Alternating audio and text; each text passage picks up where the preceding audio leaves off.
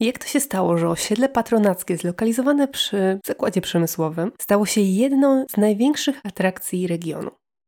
Jaki pomysł ma miasto Katowice na obiekty poprzemysłowe?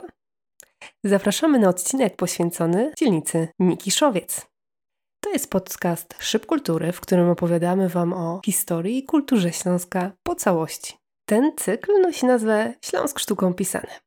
O Nikiszowcu będą Wam dzisiaj opowiadać Barbara Szustakiewicz-Przybyłka i Zbigniew Przybyłka.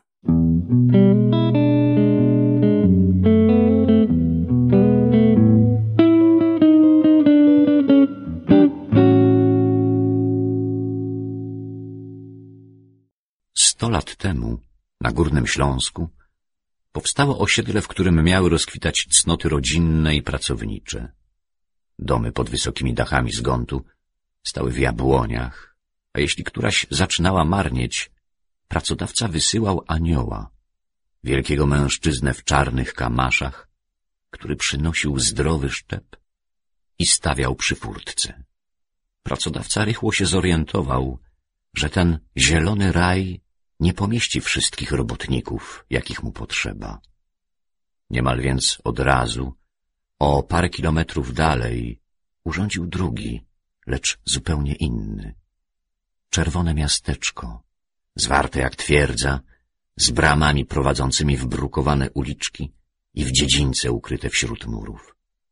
Z czasem związał ze sobą zielone, czerwone i czarne, czyli kopalnie, która powstała już wcześniej, kolejką jak z Luna Parku. Woziła bezpłatnie na szychtę do kościoła albo na piwo. Początek temu dał Adam. Nie pierwszy człowiek, lecz pierwszy gisze. To jego dalecy potomkowie zrobili staranny biznesplan i na ziemi znajdującej się pod berłem cesarza Wilhelma II zbudowali Giszewald i Nikisz Szacht.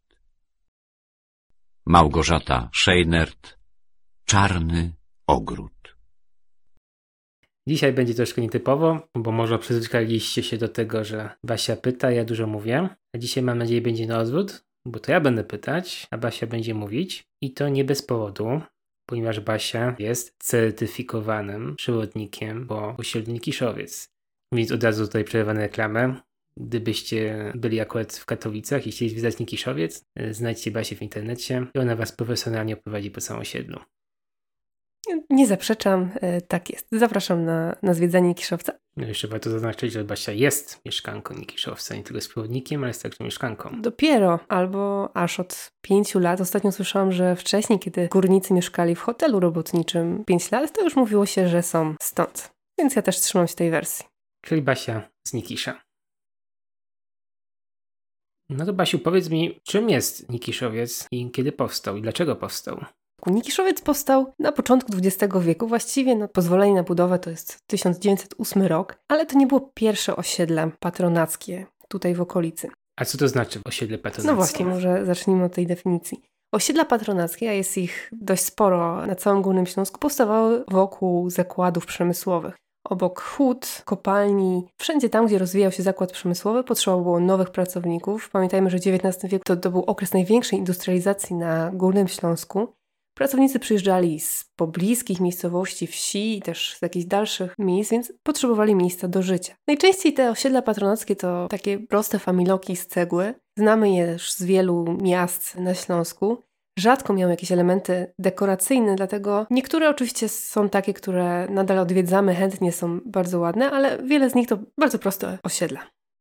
To co wyróżnia Nikiszowiec w takim razie od tamtego osiedli? Jak przyjrzymy się teraz, jak rozkłada się turystyka, no to jednak Nikiszowiec bardzo przeważa wśród osiedli patronackich. Inne też są odwiedzane. My, my też byliśmy kilkakrotnie na takiej wycieczce z przewodnikiem, chociażby po Kaufhausie, no ale tam e, jako grupa turystyczna byliśmy raczej ewenementem. E, możemy tutaj taką krótką anegdotę powiedzieć, że kiedy przemieszczaliśmy się z przewodnikiem, to zatrzymał się obok nas radiowóz, e, żeby sprawdzić, co się dzieje.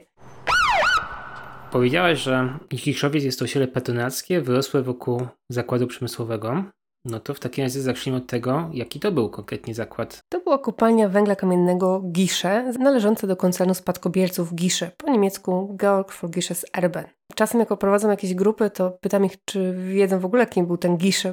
To jest historia troszeczkę dalsza niż historia Nikiszowca, to może ty, Zbyszku, chciałbyś nam powiedzieć, kim był ten Gisze sławny? To, kim był Gisze, dowiedziałam się ze wspaniałego reportażu Małgorzaty Szajnyt, Czarny Ogród. Polecam serdecznie zresztą wszystkim osobom, które nie mogą osobiście przyjechać na Nikiszowiec, na Giszowiec, sąsiednie osiedle. Jest to wspaniały reportaż i o spółce Gisza, i o życiu ludzi, którzy na tych osiedlach żyli, i o kopalni. Jeżeli chodzi o tej Giszę, to ciekawa historia, ponieważ podobno protopolasta rodu, czyli Adam, był z pochodzenia Polakiem, a mówiąc ściślej Lisowczykiem, czyli członkiem takiego działu do zadań specjalnych, budzącego postach wśród ludności cywilnej niestety również. To był aktywny w XVII wieku. I miał się osiedlić we Wrocławiu na Śląsku, który oczywiście w tamtych czasach nie był częścią Rzeczypospolitej Obojga Narodów, tylko był pod panowaniem Habsburgów austriackich. No i syn tego Adama, Georg, miał stworzyć zalążek imperium handlowo-przemysłowego. Kluczem sukcesu dla tej rodzinnej spółki było to, że dostali od cesarza koncesję na wydobycie rudy galmanu na Górnym Śląsku. A galman to była ruda cynku. Przez długie, długie lata Górny Śląsk był głównym producentem galmanu, a później czystego już cynku. Właśnie ta koncesja była początkiem potęgi przemysłowej koncernu Gisza i także spowodowała, że zaczęli swoje interesy prowadzić również na Górnym Śląsku, nie tylko w Wrocławiu. Pytanie, czemu spółka nazywa się Spadkobiercy Giszego? No z tego prostego powodu, że nazwisko wymarło. Zabrakło męskich potomków, spadek przeszedł na córki, córek było kilka, Oczywiście każda miała inne nazwisko po mężu i żeby majątek się nie rozpadł, spadkobiercy Giszego stworzyli wspólny koncern, który aż właściwie do, do lat 60.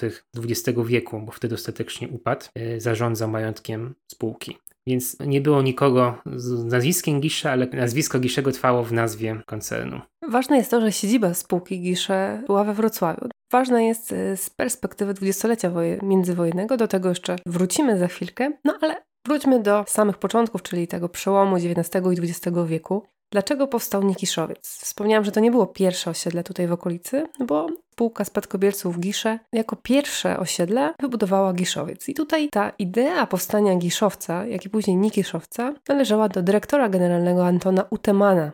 To on wymyślił takie osiedla wzorcowe. Giszowiec miał przypominać taką wieś górniczą, Później oczywiście miejsca na Giszowcu nie było aż tak dużo. Dyrektor już spodziewał się, że będzie potrzeba więcej mieszkań dla górników i ich rodzin, dlatego podjęto decyzję o budowie Nikiszowca. Ta przestrzeń, w której zlokalizowany jest Nikiszowiec, już była wtedy ograniczona drogą, torami kolejowymi, więc struktura Nikiszowca w odróżnieniu od Giszowca, który był dość rozległy, jest bardzo zwarta. Możecie spojrzeć na Nikiszowiec z lotu ptaka. Widzimy bardzo zwartą strukturę złożoną z dziewięciu bloków mieszkalnych, rynku, kościoła i zabudowań infrastruktury y, dla mieszkańców. Czyli mamy dwa osiedla patronackie. Najpierw na początku XX wieku powstało Giszowiec, czyli Giszewald, bo taką miał niemiecką nazwę oryginalną. Giszowiec naśladował wieś, tak? A potem, kilka lat później, także przed I wojną światową, zostaje podjęta decyzja na temat budowy nowego osiedla na mniejszej przestrzeni, w związku z tym o bardziej zwartej miejskiej zabudowie, która naśladuje miasteczko i to jest Nikiszowiec, czyli wtedy Nikiszach. Kto był architektem obydwu osiedli? Obydwa osiedla zaprojektowali kuzyni pochodzący z Charlottenburga, dzisiaj dzielnica Berlina, Emil i Georg Zilmanowie. I ci Zilmanowie to też skądinąd wiemy, że bardzo wiele innych budynków zaprojektowali, nie tylko dla Nikiszowca i Giszowca. Dokładnie, ich styl jest dość charakterystyczny. Jak czasem oglądamy jakieś obiekty, to łatwo jest poznać. Tutaj e, myślę o Sząbierkach, jeśli się nie mylę, to również Cechownia w Gliwicach. Tych obiektów przemysłowych zaprojektowanych przez nich jest dużo więcej.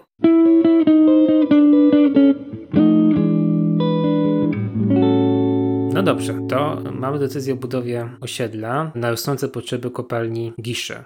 A czemu taka nazwa osiedla? Nikiszacht, a później Nikiszowiec?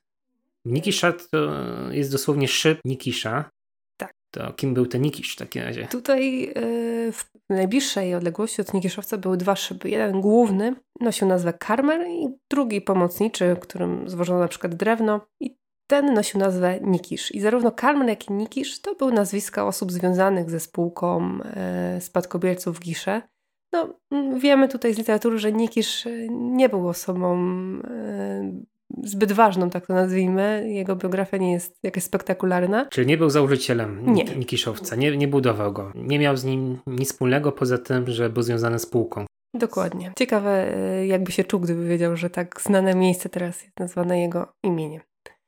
Te nazwy szybów zresztą zmieniły się. Zmieniły się w dwudziestoleciu międzywojennym, w latach 30., bo spółka spadkobierców Gisze szukała inwestora strategicznego na część swoich akcji, a to dlatego, że wspomniałam wcześniej, siedziba spółki spadkobierców Gisze była we Wrocławiu. Musimy pamiętać, że kiedy Górny Śląsk trafił do Polski, Część Górnego część Śląska. Górnego Śląska, Po dokładnie, 1922 roku. i ta część, gdzie leży Nikiszowiec, trafiła do Polski, natomiast Wrocław leżał w obrębie Niemiec i powstał tutaj pewien problem z zarządzaniem tą spółką. Musimy też pamiętać, że był dość silna na przykład wojna celna między Polską a Niemcami. Ten konflikt narastał, dlatego zdecydowano się tutaj o sprzedaży części akcji. Przyjechali tutaj Amerykanie ze spółki SACO, którzy zarządzali kopalnią Gisze. Amerykanie przywieźli swoich menedżerów, dla których wybudowano kolonię amerykańską w pobliżu Giszowca. I oni zmienili też nazwy szybów. Karmel i Nikisz zamienił się na Pułaski i Poniatowski i te nazwy pozostały do dziś. Czyli takie amerykańskie nazwy, można powiedzieć, czy polsko-amerykańskie, celebrujące Tak. przyjaźń polsko-amerykańską. Bo także niedaleko od Nikiszowca jest szyb Wilson, czy został nazwany szybem Wilson, tak jak Anglicy mówią, czyli na cześć prezydenta Woodrowa Wilsona. Tak, no to tyle tej amerykańskiej historii. Wróćmy do samego Nikiszowca. Co jeszcze odróżnia Nikiszowiec od Giszowca? Anton Uteman przewidział, że to na Nikiszowcu będzie zlokalizowany kościół. Spółka Gisze też wyłożyła pieniądze na to, by kościół powstał. Jego budowa rozpoczęła się w 1914 roku. Jak wiemy, wtedy rozpoczęła się też I wojna światowa, która przerwała na pewien czas budowę. Ostatecznie kościół zakończono budować w 1927. Też zawsze opowiadam osobom, które zwiedzają Nikiszowice, że w kościele świetnie widać te zmiany, które następowały tutaj, w tym regionie Górnego Śląska. Część wyposażenia została jeszcze zaprojektowana i wykonana w Niemczech, na przykład witraże w Ratyzbonie, czy też figura świętej Anny wraz z ołtarzem, to z kolei w Monachium. Natomiast kiedy spojrzymy, będąc w kościele do góry, w kopule zobaczymy już polskich świętych. Już ta część została wykonana w tym polskim okresie Górnego Śląska. No dobrze, kościół, kościół powstał jakby w ostatniej kolejności, ale powiedz mi, jak wygląda typowy blok mieszkalny, bo chyba tego należałoby nazwać te, te budynki, z których składa się Nikiszowiec. Siedzimy nawet w takim bloku. Tak, rzeczywiście nagrywamy to w jednym z mieszkań na Nikiszowcu, więc wiemy o czym mówimy. Tak. Takich bloków jest dziewięć. Każdy ma swój numer zgodnie z kolejnością powstawania. No i co ciekawe, kiedyś i część mieszkańców dzisiaj nadal bardziej się utożsamia z numerem bloku niż z ulicą, przy której mieszka. Pamiętajmy, że to nie są bloki w takim naszym rozumieniu jakichś bloków z wielkiej płyty. Te bloki tutaj to są budynki z cegły, trzykondygnacyjne, czyli mamy dwa piętra. Największe bloki mają układ prostokątny, jest kilka trochę w innym kształcie. Wszystkie one mają w środku wspólny dziedziniec. Obecnie na tych dziedzińcach, tych placach, jak, jakbyśmy właściwie powinni powiedzieć, na placach mamy drzewa, parkingi i place zabaw. Place zabaw to też jest ważne, bo jakby kiedy byśmy wyjrzeli sobie przez okno na taki plac, to z wielu mieszkań dokładnie widać ten plac zabaw, więc te dzieci są tak e, pod ciągłym monitoringiem, moglibyśmy powiedzieć, rodzicielskim. Wracając jeszcze do samych budynków i tego, co jest w środku, mamy mieszkania, mają układ amfiladowy. Mieszkanie jest w kierunku placu albo w kierunku ulicy. Wszystkie budynki są z cegły, podobnie jak kościół czy szkoła. To, co jest ciekawe, to mimo tego, że mówimy tutaj o dość podobnym układzie mieszkań, to każde jest inne. Ciekawe jest to, że architekci zadbali o bardzo dużą ilość detali architektonicznych. Mamy na przykład w niektórych mieszkaniach wykusze. W wielu mieszkaniach, zwłaszcza w tych od strony placu, są balkony o przeróżnych kształtach. Są też różne wejścia do klatek w przeróżnych stylach. Okna w mieszkaniach też się różnią kształtem. Czasem nad wejściami do klatek albo nad przewiązkami są jakieś detale, na przykład pyliki żelowsko, nawiązujące oczywiście do tradycji górniczej. Więc y, jest cała masa bardzo ciekawych detali architektonicznych.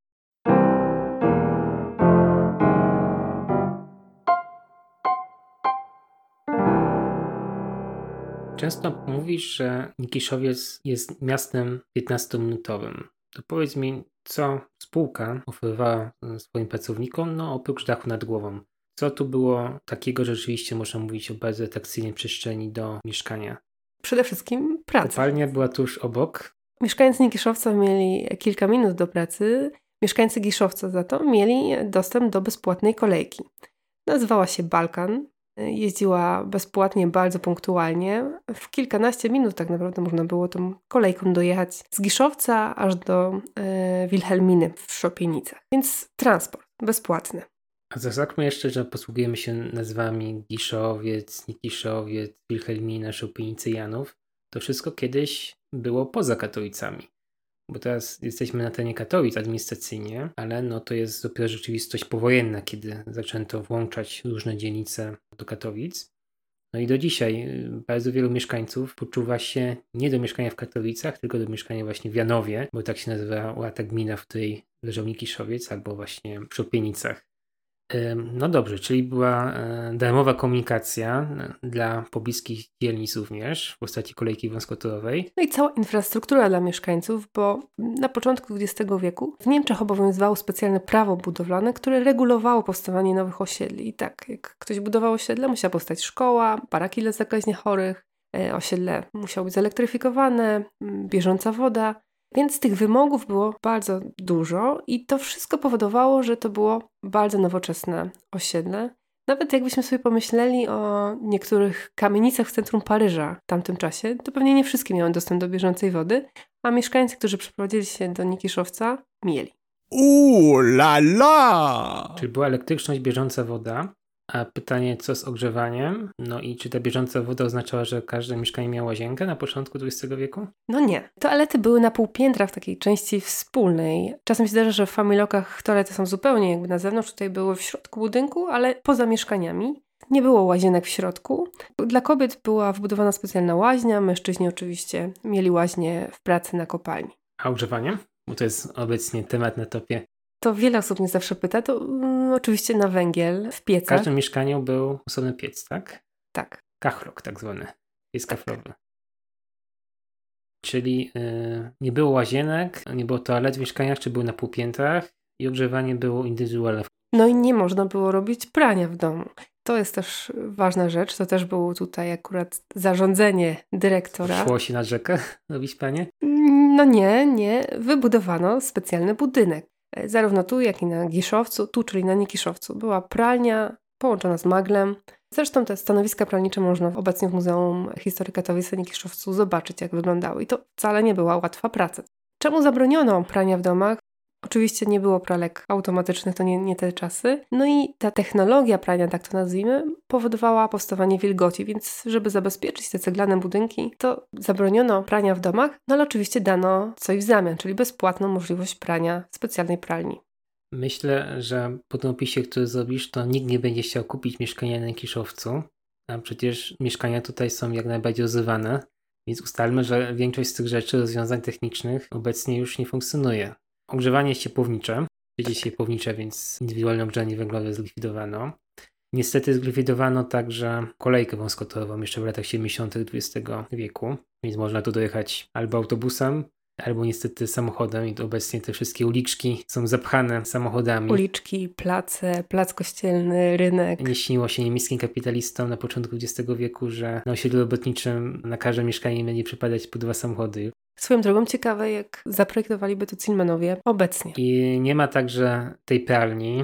Budynek jest. Budynek jest. Jest tam obecnie oddział Muzeum Miejskiego w Katowicach, oddział etnograficzny. Pralki oczywiście są indywidualne w mieszkaniach teraz obecnie. Łaźnia też została zlikwidowana, więc są zwykłe łazienki, zwykłe toalety. Więc tak naprawdę te mieszkania nie różnią się w środku niczym, jeżeli chodzi o tę dostępność od zwykłych w innych częściach Katowic, w zwykłych blokach, tak to nazwijmy. Mhm. Z tego, tę wizję, którą opowiadasz, to e, widać, że to był taki bardzo paternalistyczny kapitalizm, byśmy powiedzieli. Czyli taki, że właściciel przedsiębiorstwa poczuwa się do tego, żeby organizować swoim pracownikowi i opiekować się nim od rana do wieczora i właściwie od kołyski aż do śmierci. I właściwie zapewniać mu też rozrywkę, bo gospodę również przewidziano i też inne miejsca, w których rodziny mogły spędzać czas. I to co więcej z pokolenia na pokolenie praca w kopalni była właściwie dziedziczna, ponieważ e, ojciec wychowywał syna na górnika, syn wnuka itd., tak itd. Tak Więc władza koncernu ściągała się na wiele pokoleń. No i też z jednej strony rzeczywiście te wszystkie udogodnienia były jak nowe czasy bardzo nowoczesne. Nawet dzisiaj byśmy powiedzieli, że niektóre rozwiązania pokrywają się z różnymi postulatorami ruchów miejskich czy organizowaniem smart city. Ale z drugiej strony no, mamy taką potężną kontrolę pracodawcy nad pracownikiem i występowanie w jakikolwiek sposób, czy to w kwestiach pracowniczych, socjalnych, czy nawet politycznych, ze strony pracownika, nie pomyśli pracodawcy, no, mogło w najgorszym przypadku zaowocować wyrzucenie go po prostu i z pracy, ale także z mieszkania i w ten sposób człowiek by pozostał na, na lodzie, więc to jest taka ciemniejsza strona tego paternalizmu właśnie stosowanego przez koncernisze, nie tylko zresztą przez koncernisze, nie? Nie, oczywiście inne przedsiębiorstwa działały w podobny sposób. Tutaj mamy do czynienia też z jeszcze większą, e, powiedzmy taką opieką, tym paternalistycznym podejściem.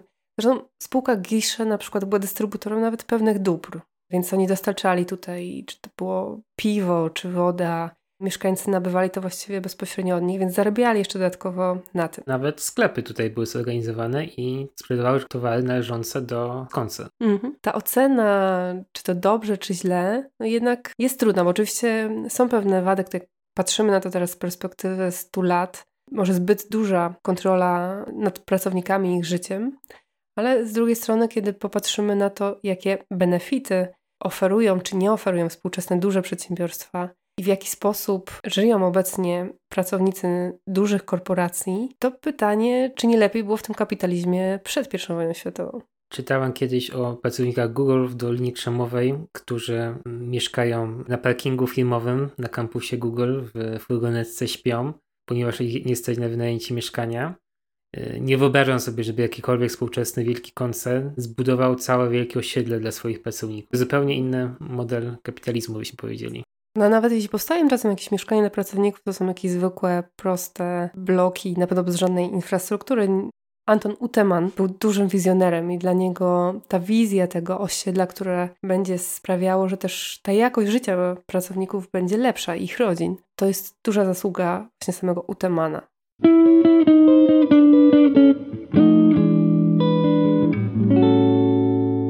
Mamy osiedle, które zapewnia właściwie każdą możliwą usługę i fizyczną, i duchową, więc nie ma zbytnio powodów, żeby osiedle opuszczać i, i całe pokolenia mogły w ten sposób żyć, tworząc bardzo zwartą społeczność. A jak to wygląda teraz i kiedy to się zaczęło zmieniać? No bo kopalnia od paru lat od czterech lat. Od czterech lat już nie istnieje. Oczywiście stała się kopalnią państwową po 1945 roku pod nazwą Wieczorek tym razem na cześć miejscowego śląskiego komunisty ale nawet ta kopalnia teraz nie istnieje i, i czy coś zostało z, z tej społecznej tkanki Nikiszowca. No właśnie, okazuje się, że ta kopalnia jakby tworzyła tą społeczność, była takim patronem.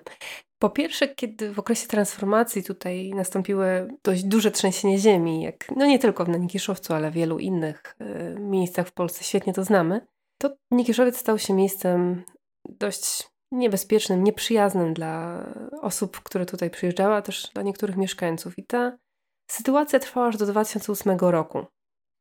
Było niebezpiecznie, bo oczywiście część osób nie miała pracy, zamknięto lodowisko, dom kultury, więc młodzież nie miała co ze sobą zrobić.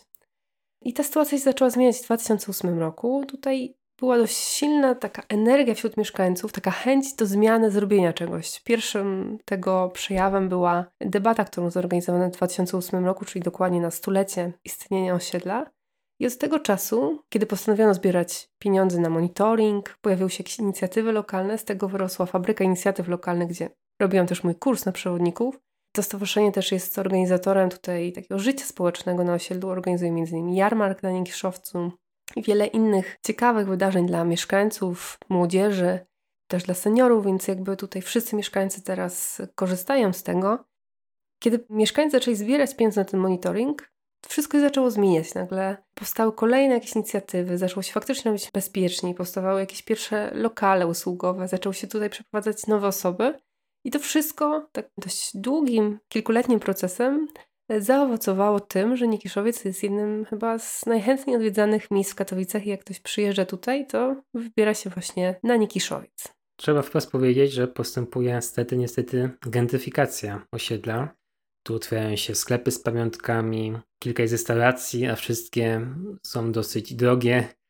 Nawet ci normalni mieszkańcy czasami odnoszą wrażenie, że nie czerpią benefitu z popularności Nikiszowca, bo tylko są koszty tego, że jest zwiększony ruch. Tutaj, zwłaszcza w weekendy, snują się turyści, robią zdjęcia na, na lewo i na prawo. Odbywają się y, przynajmniej dwa razy w roku dosyć duże imprezy, które paraliżują osiedle. Z jednej strony jest to odpust. To nie jest taki odpust, jaki znacie, że jest parę but z plastikowymi karabinami, ale wielki odpust rzemiosła artystycznego.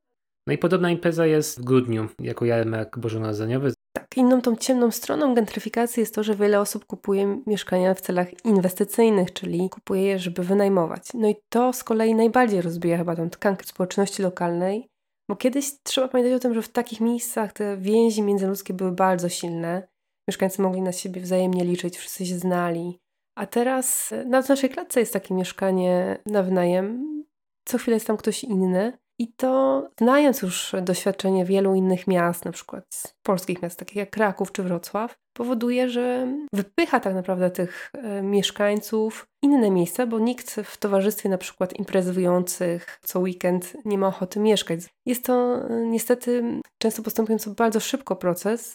Wiele osób ma obawy, że nie zauważymy tego, kiedy to miejsce stanie się po prostu drugim Kazimierzem. Oby nie.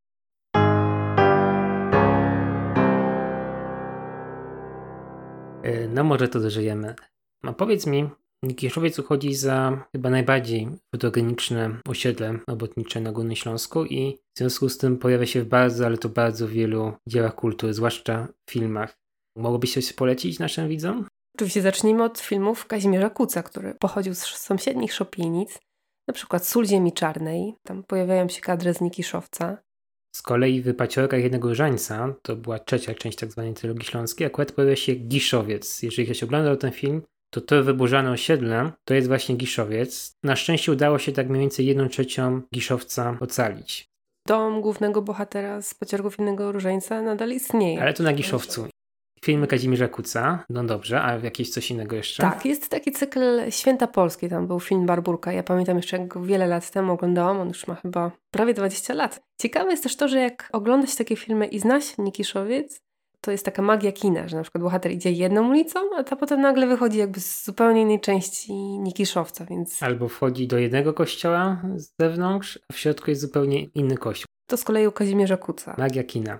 No ale chyba zapomniasz jeszcze o Angelusie Lecha Majewskiego. A tak, no tak. To jest niesamowity film. Nie, nie wiem, czy potrafiłbym opowiedzieć, o czym on jest. Może ty masz większą wyobraźnię. No tak w skrócie to myślę, że o grupie janowskiej. A cóż to jest grupa janowska w takim razie? Grupa janowska to grupa malarzy nieprofesjonalnych, czyli tak naprawdę górników malujących po pracy. Malowali w stylu art naif, czyli po prostu sztuka prymitywna. Czy to jest dokument w takim razie, tak? Nie do końca to film. E, Chyba nawet w ogóle nie jest nie. dokumentem, nie? nie, nie, ale oczywiście odnajdujemy tam te wątki biograficzne. No, myślę, że w ten sposób to mało kogo zachęcisz do tego filmu, ale to jest chyba jeden z najbardziej odjechanych filmów śląskich i polskich. Bo owszem, jest tutaj element y, prawdziwy. Była, jest nadal grupa malarzy nieprofesjonalistów, pierwotnie związanych z kopalnią Gisze właśnie, no i tam po pracy malowali sobie obrazy.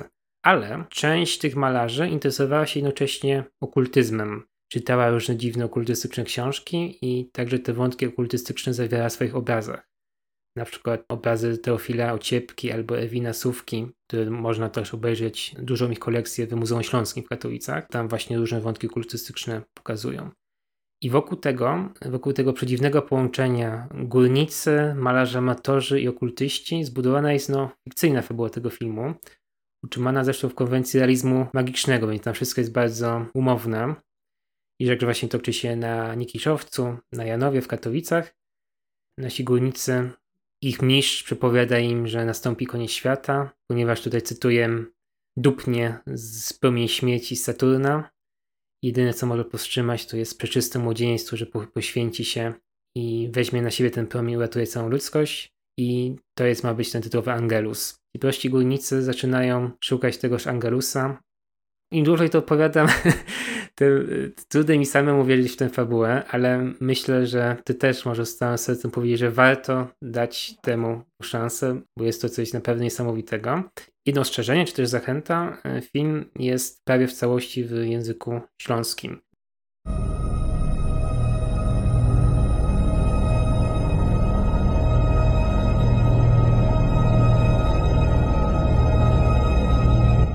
Nie dupcie fleków! No w końcu co my mamy robić?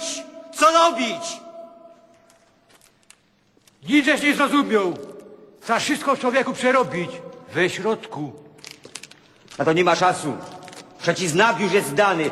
Trzeba coś zrobić, gipko, zaroski już. Jakbyś taki przemądrzały opie, to powiedz No, no, co mamy robić? Trzeba napisać do najwyższej władzy, która rządzi całkiem światem.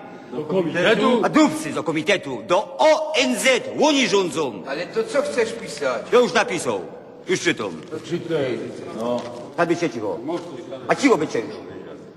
My, hopy z Janowa. Aż to napisał hopy. Obywatele. Obywatele z Janowa. Dodaj, że, że z Janowa, a byle Katowic, bo oni tam w OBNZ nie wiedzą. Wiem. Jest Janów. Ele Stalinogrodu. No. No właśnie. Z Janowa Werestalinogródu. Kiedy my otrzymali trzy znaki. Od naszego mistrza. Łód naszego mistrza. Kiedy się wypełniły, bo my to na własne oczy widzieli. I się możemy poprzysiąc. Piszemy do wysokiej dyrekcji w sprawie dyrekcji ONZ-u w sprawie ratowania ludziów na ziemi, Obywatelu. obywatelów na ziemi, co ich opętało zło i wiedzie na zatracenie, kiedy już je blisko. Już się ze Saturna moce sposobią i dupną. Nie, tak nie pisz. To co? Tego nie No to co? Napisz pizną. To pizną, Uderzą. uderzą No, uderzą. i uderzą. Dobry. Nie, nie tak, kopie, nie, nie tak nie Co może nie tak? być. Tak nie może być, kopie. My ta siła musimy chycić sami. Ja wam zbuduję takie urządzenie, że ta moc będzie nasza. I my będziemy rządzić całym światem, Nie kopie. nasrany. Jo? Gotowych ci.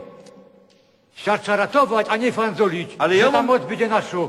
Prawdziwa transmutacja metali jest sztuką umysłową. Jako transmutacja, chłopie. Dupisz fleki mi tu. Walter, zawsze ten głupi pysk. Ty nie możesz. Jo? Ja, jak ci się nie podoba, to wyszkaj. Tam są drzwi, wyrwej. Ja was wszystkich dupca, chłopie. Alter. A podbij się po ciuru. Ciulaty alchemik.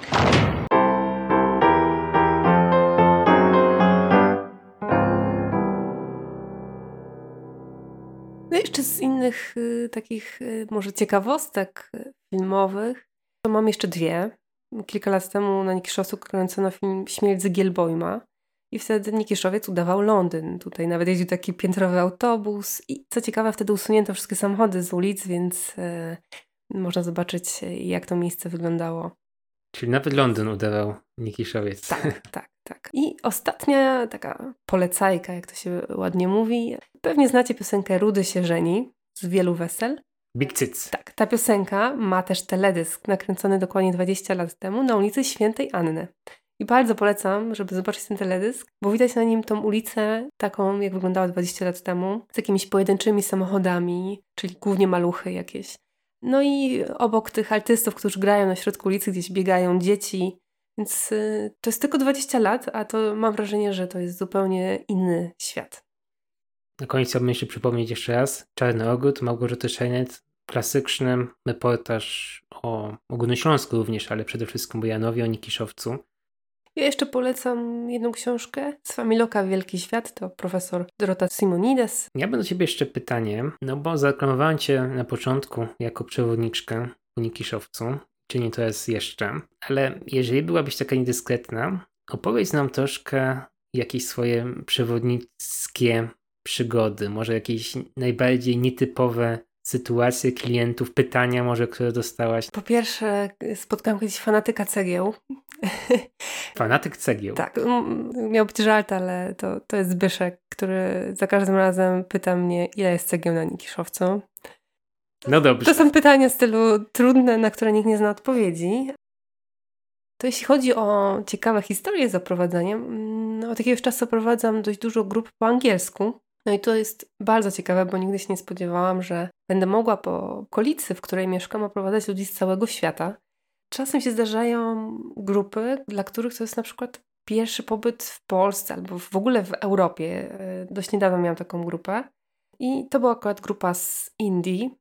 Zadawali mi pytania, które rzadko zadają turyści stąd, czy nie, z Śląska, czy w ogóle z Polski, na przykład o piwnice, jakieś e, rzeczy, które dla mnie są tak naturalne, że nigdy nie, nie pomyślałabym o tym, żeby o tym komukolwiek opowiadać. Czyli dziwili się wszystkiemu, tak jakby Masjanie wylądowali. Tak, ale to też jest ciekawe dla mnie, bo mogę dzięki temu inaczej spojrzeć na to miejsce. Ostatnio też, no nie wiem, czy mogę opowiadać o tym, kogo op oprowadzałam. Zdarzają ci się jakieś sławy, tak? Tak, tak, różne sławy. Ostatnio jedną ze zna bardzo znanych pani architektek z Harvardu. Na Nikiszowiec przyjeżdżają bardzo ciekawe osoby y, z przeróżnych instytucji z całego świata. Bardzo często oczywiście pytania się powtarzają, najczęściej dotyczą tego życia codziennego, tych zwyczajów tutaj panujących. Czasami zdarzają się jakieś perełki, dzięki którym na przykład ja się zastanawiam, że jeszcze tego nie wiedziałam. Na przykład przez pewien czas nie wiedziałam, co się działo z rodzinami, na przykład po śmierci ojca rodziny, który pracował w kopalni. No ale tutaj taka sytuacja wystąpiła w Twojej rodzinie, Zbyszek, więc zapytaliśmy tatę, który może nie tyle pamięta, co jakby wiedział z historii rodziny. Tak, zdemonskrowałaś mnie, że tutaj dziadek mój pochodził z Janowa.